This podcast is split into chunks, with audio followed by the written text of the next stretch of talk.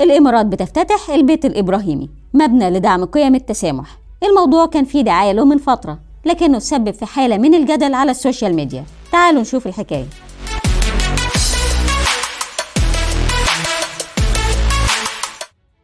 القصة بدأت بإعلان الإمارات عن افتتاح بيت العائلة الإبراهيمية في أبو ظبي واللي بيضم مسجد وكنيسة وكنيس يهودي. وسائل الإعلام الإماراتية ركزت على أن المشروع بيعكس رؤية الدولة لتلاقي الإنسانية وحوار بين الثقافات. والمفروض إنه هيستضيف فعاليات متنوعة هدفها تعزيز التبادل والتعاون الثقافي والإنساني. البيت الإبراهيمي كان تم التمهيد له لما وقع شيخ الأزهر وبابا الفاتيكان في أبو ظبي وثيقة الأخوة الإنسانية في 2019 برعاية الشيخ محمد بن زايد آل نهيان. لحد هنا والكلام حلو وبيدعو للتسامح، لكن مش كله كان عاجبه المشروع، لأن الداعية الكويتي عثمان الخميس هاجم المشروع بشدة ووصفه بالكفر. ونشر فيديو بيستهجن فيه وضع القرآن جنب الإنجيل والتوراة واللي قال عنهم إنهم محرفين. فجأة انتشر هاشتاج عثمان الخميس يكفر الإمارات. مع استهجان واضح من المغردين الإماراتيين واللي فيه منهم وصف عثمان الخميس بأنه قرضاوي الكويت وعايز يشعل فتنة. عثمان الخميس كان برضو الداعية اللي رفض وضع تمثال بوذا أثري من القرن ال11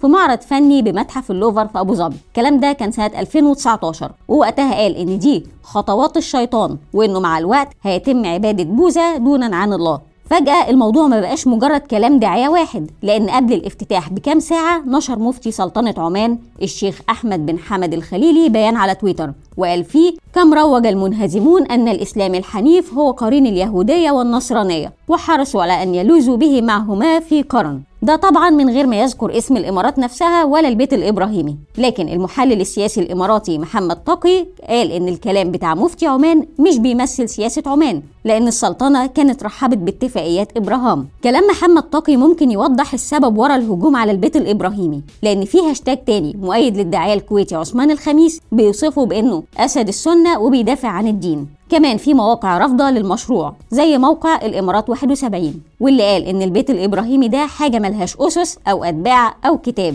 لكنها محاولة لدعم التطبيع مع إسرائيل. لاحظ هنا إن الكلام بيدي انطباع إن في حاجة اسمها الديانة الإبراهيمية لكن في أرض الواقع الكلام كان عن مشروع للتسامح بين الأديان.